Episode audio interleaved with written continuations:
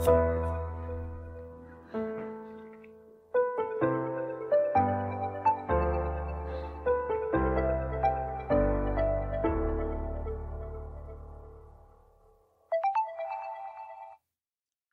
bij de podcast Bewust Vaderschap. In deze aflevering vertel ik je, mijn naam is Roderick Timmermans, over mijn persoonlijke ontwikkeling en hoe ik heb geleerd om elke dag in een mooie emotionele staat te leven, wat er ook gebeurt. En dat dat de sleutel is tot een beter vaderschap. Nou, laatst vroeg mijn buurman mij uh, van, hey, hoe zorg je dat jij je blijft ontwikkelen? Hij volgt mij en hij weet ook dat ik vaders begeleid en was benieuwd naar mijn eigen persoonlijke ontwikkeling. Nou, vanuit mijn principe Practice What You Preach volg ik jaarlijks meerdere opleidingen en maak ook gebruik van diverse coaches.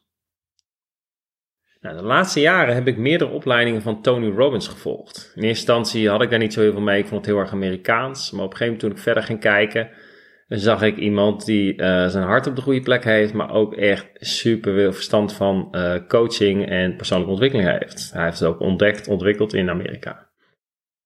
En één daarvan, van die opleiding, is Date with Destiny. Dat is een intense zesdaagse opleiding waarbij je 14 uur per dag aan de slag gaat met je missie, je waarden en je levensdoelen. Echt een parel van de opleiding. En deze opleiding heeft me heel veel nieuwe inzichten gegeven over mijn drijvende krachten. En waar ik uiteindelijk echt blij van word. Echt super gaaf.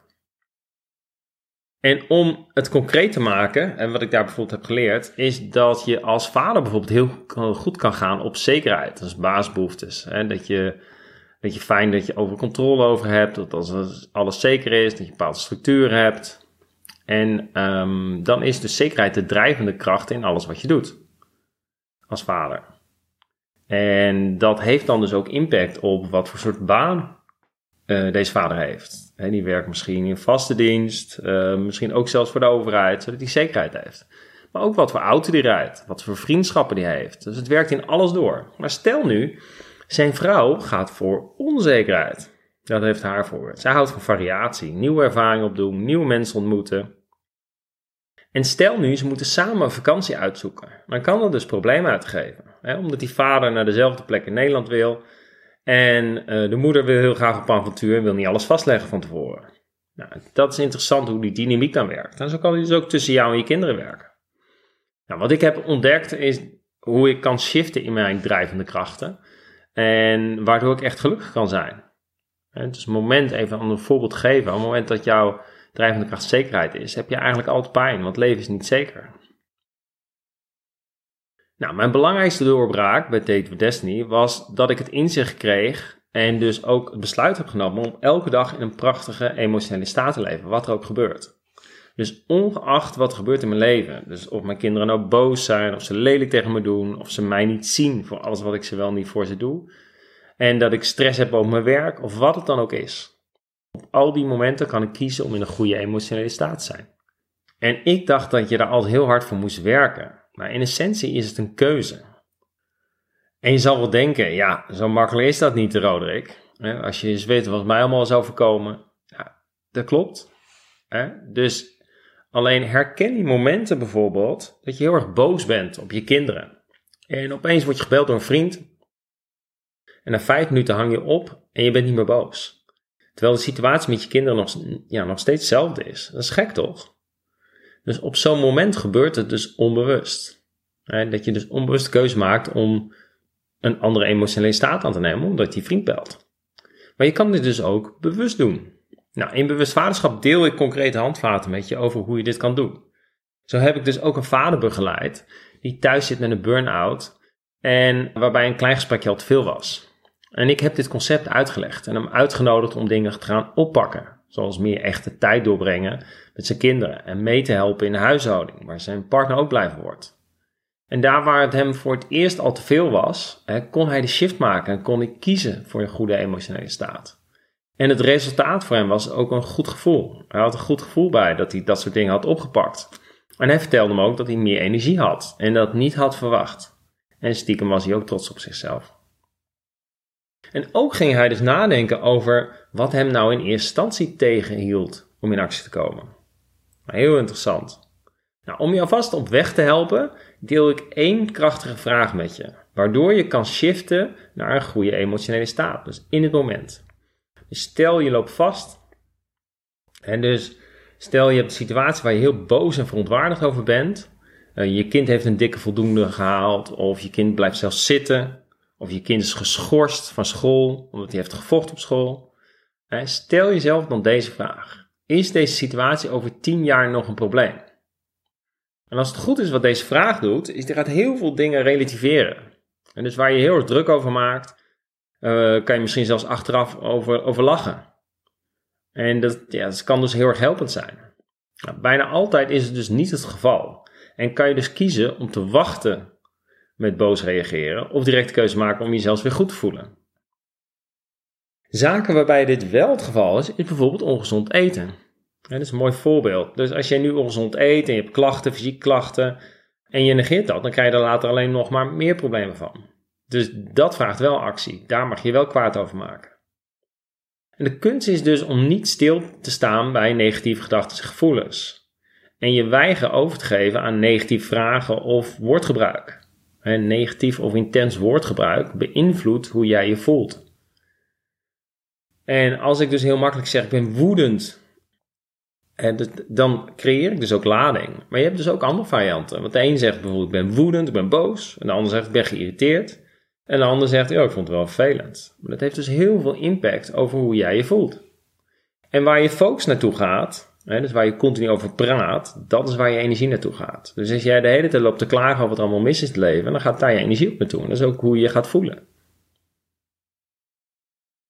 Nou, hoe het nu voor mij werkt is, als ik in een mooie emotionele staat ben, inspireer ik anderen, creëer blijdschap, kan ik de mensen aantrekken die mij helpen om met wie ik het leven wil delen. Als ik in een mooie staat ben, kan ik ook bijdragen. Heb ik tijd over? Voel ik me beter? Eet ik gezonder? Heb ik meer energie om te sporten en trek ik overvloed aan? Dan kan ik ook gek doen, spelen en blij zijn en beter aansluiten bij mijn kinderen. Allemaal voordelen. En je snapt natuurlijk, dit lukt mij echt nog niet altijd. Ik zet in op de kracht van herhaling om dit te blijven leren. En ik ben benieuwd, doe je mee? Nou, ben je op zoek naar meer inspiratie? Van, Rode, hoe werkt dat nou precies? Dan raad ik je aan om het boek De Zin van het Bestaan te lezen van Viktor Frankl. En in dit boek vertelt Frankl dat ieder mens te maken krijgt met tegenspoed en uitdagingen in het leven. Maar dat ieder mens de mentale vrijheid heeft om onze houding ten aanzien van de situatie, om die te kiezen. En dit is echt een hele krachtige boodschap die ons kan helpen om meer bewust te worden van onze eigen gedachten en emoties. En om ons leven op een positieve manier te beïnvloeden. Victor Frankl was een Joodse psychiater en neuroloog uit Wenen, Oostenrijk, die in de Tweede Wereldoorlog gevangen werd genomen door de nazi's en naar verschillende concentratiekampen werd gestuurd. En hij bracht bijna drie jaar door in Auschwitz, waar hij werd geconfronteerd met extreme omstandigheden, zoals martelingen en ook hongersnood. En ondanks deze verschrikkelijke omstandigheden vond Frankl hoop en betekenis in zijn leven door te geloven dat hij zelfs onder de moeilijkste omstandigheden nog steeds een zinvol en waardig bestaan kon leiden. Na de oorlog schreef hij het boek dus uh, Man's Search for Meaning, de zin van bestaan, waarin hij zijn filosofie uiteenzet. En dat het vinden van betekenis en doel in ons leven ons kan helpen om te overleven en te gedijen. Zelfs in de moeilijkste omstandigheden. Dus hij zag ook in die concentratiekampen als mensen dus een doel hadden, om bijvoorbeeld nog hun kinderen te zien of om inderdaad dit boek nog te schrijven, dan bleven ze langer leven. Nou, als vader kunnen we deze boodschap heel mooi gebruiken om ons te helpen bij de uitdagingen die we tegenkomen bij het opvoeden van onze kinderen. En dus het moment dat jij ook helder hebt, hey, wat is, welke betekenis wil ik mijn vaderschap geven? En op welke manier wil ik een doel hebben in mijn vaderschap? Alleen al daarbij stilstaan kan heel erg helpend zijn om dat geduld op te brengen bijvoorbeeld.